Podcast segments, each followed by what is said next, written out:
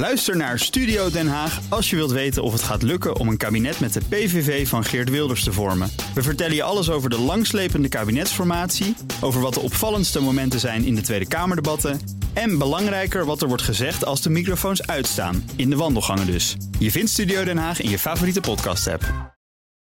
Toch? Ja. Factgoeroes. Dat is ook iets wat we kunnen gaan laten checken door Nou, Frank dat een keer. zou ik Ja. bijna willen zeggen. Frank Leeman heeft hem gelukkig niet gehoord, hoop ik. Eh, goedemorgen, Nee. Frank. Goedemorgen. Zeg, vandaag een wat ouder bericht uit Trouw. Eh, waar gaat het precies om?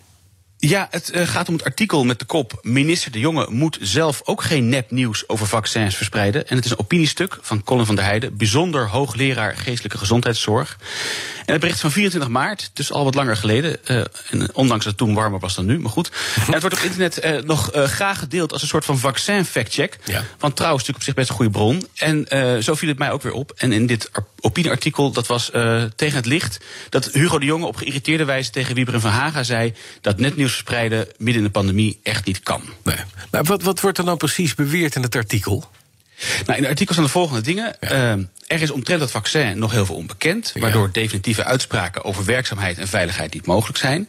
Dit wordt onderstreept door het feit dat het European Medicine Agency, de EMA, eh, de vaccins voorlopig heeft goedgekeurd tot 2023, want pas dan zijn de onderzoeken afgerond, staat er. En tot die tijd hebben de vaccins de status experimenteel. Dat zijn drie beweringen die als het ware een beetje in elkaar grijpen, hè, waardoor het een soort van context creëert. En dat is echt iets, als ik dat dan lees, dat ik denk, oh ja, er was iets met die goedkeuring. Nou ja, dan was dit het dus waarschijnlijk. Precies. Eh, v- inderdaad, nog even samenvattend. Eh, het vaccin is voorlopig goedgekeurd tot 2023 en heeft nu de status experimenteel. Je hebt de EMA gebeld hè, en eh, gevraagd van hoe, hoe zit dat precies? Ja, precies. En in eerste instantie gewoon heel erg gevraagd: eh, heeft het nu de status experimenteel of niet? currently authorized COVID-19 vaccines are not experimental vaccines. Also, we don't we don't even know this term in the in the EU. They have what we call a conditional marketing authorization. Een conditional marketing authorization. Maar ze zijn dus niet experimenteel. Nee, niet experimenteel. Die term die bestaat dus niet eens. Nee. Ehm, en ik vroeg de EMA ook of een voorwaardelijke status, zoals dat in het Nederlands heet, of het juridisch gezien misschien een lichter iets is of een experimenteler iets is dan een volledige autorisatie. Legally speaking, it still means this is a proper marketing authorization. It comes with all the obligations. It comes with the uh, with the follow-up, with the controls, with all the safeguards that the marketing authorization in the European Union affords us. Oké, ik kan je zo voor omschrijven. Het is een konijn, ziet eruit als een konijn... en het eet wortelen, alleen we noemen het even geen konijn. Ja, precies, dat ja. Ja, oké. Nou gaat dit toch niet voorwaardelijke goedkeuring. Dat voorwaardelijke, wat, waar, waar ligt dat voorwaardelijke dan precies in? Nou, daarover heb ik gesproken met professor Dr. Ton de Boer, voorzitter van het College ter beoordeling van geneesmiddelen, hier wel vaker op de zender. En die legt uit wat dat voorwaardelijk inhoudt. Een voorwaardelijke handelsvergunning wordt een jaar verstrekt. En elk jaar kijk je weer eh, of die verlengd moet worden. En dan wordt er gekeken naar wat waren de voorwaarden en heeft men eraan voldaan. Het enige is dat, je dus, dat de firma verplichtingen opgelegd zijn, wat ze moeten aanleveren. Voor het gebruik van het middel of de beschikbaarheid van het vaccin maakt het helemaal niet uit of het dan een voorwaardelijke of een volledige handelsvergunning is.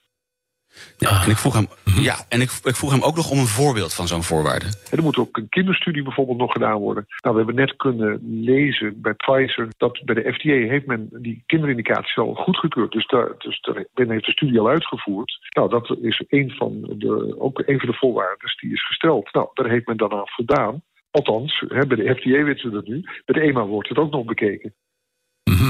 Dit is dus een voorwaardelijke, niet voorlopige goedkeuring. Maar- Maar die is dan nog tot 2023? Hoe gaat het dan precies? Nou, ja, precies, ja, dat, dat jaar 2023, dat vroeg ik aan de EMA. En die, laten we zeggen, die krapte achter hun oor. No, I don't know where where the date where they take the date from. 2023. This does not ring a bell to me. Dat kwam met een Nee. duim van, de, van trouw dus. Nou, een, Of niet? een beetje. Ja. eh, eh, want ze had dus geen idee. Maar het CBG had wel een idee waar die datum vandaan kwam. Laten we bijvoorbeeld Pfizer nemen. Die studie die is voor twee jaar gepland. En pakweg twee of drie maanden dat men van mensen follow-up had... heeft men al voldoende infecties gezien om de werkzaamheid te kunnen ehm, vaststellen. En men kon ook goed naar de veiligheid kijken. Ja, dus het gaat om die twee jaar. Eh, In ieder geval, de Pfizer schrijft vooraf een plan hoe ze een onderzoek gaan doen. Hoeveel mensen, hoeveel fases, nou, et cetera, et cetera. En een geschatte einddatum. En bij Pfizer is dat 6 april 2023. Dus daar hebben we die datum. En na die einddatum kan, als ze alle stappen uitgevoerd hebben. Dus bijvoorbeeld zo'n kinderstudie die we net hoorden. Als dat af is, kan er een niet voorwaardelijke of een volledige goedkeuring gegeven worden.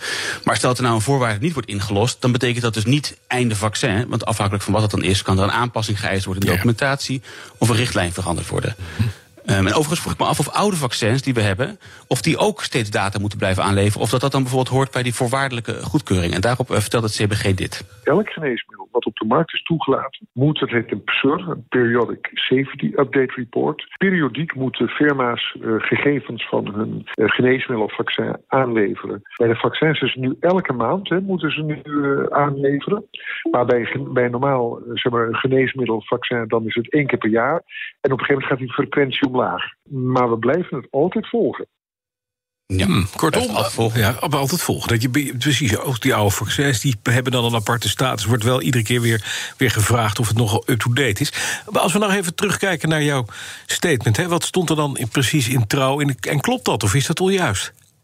Nou, het is, de, het is eigenlijk lastig. Want als je schrijft dat het vaccin tijdelijk is goedgekeurd tot 2023... omdat de onderzoeken dan pas klaar zijn... dat is niet volledig onjuist, want die onderzoeken lopen inderdaad nog. Ja, maar die precies. 2023, door die te koppelen aan een status experimenteel... die helemaal niet bestaat, Hm. schep je een soort van kader... Ja, waarmee je de lezer wel echt verkeerd informeert. Ja, dat, je- dat, ja, je laat het heel onzeker klinken allemaal. Precies, want je denkt het is experimenteel en in 2023 weten we pas meer. Maar dat is, en het is niet experimenteel, het heeft gewoon een voorwaardelijke goedkeuring. En er wordt tussentijd steeds gemeten of het allemaal nog wel voldoet. Daar moeten data Ja. voor gegenereerd worden.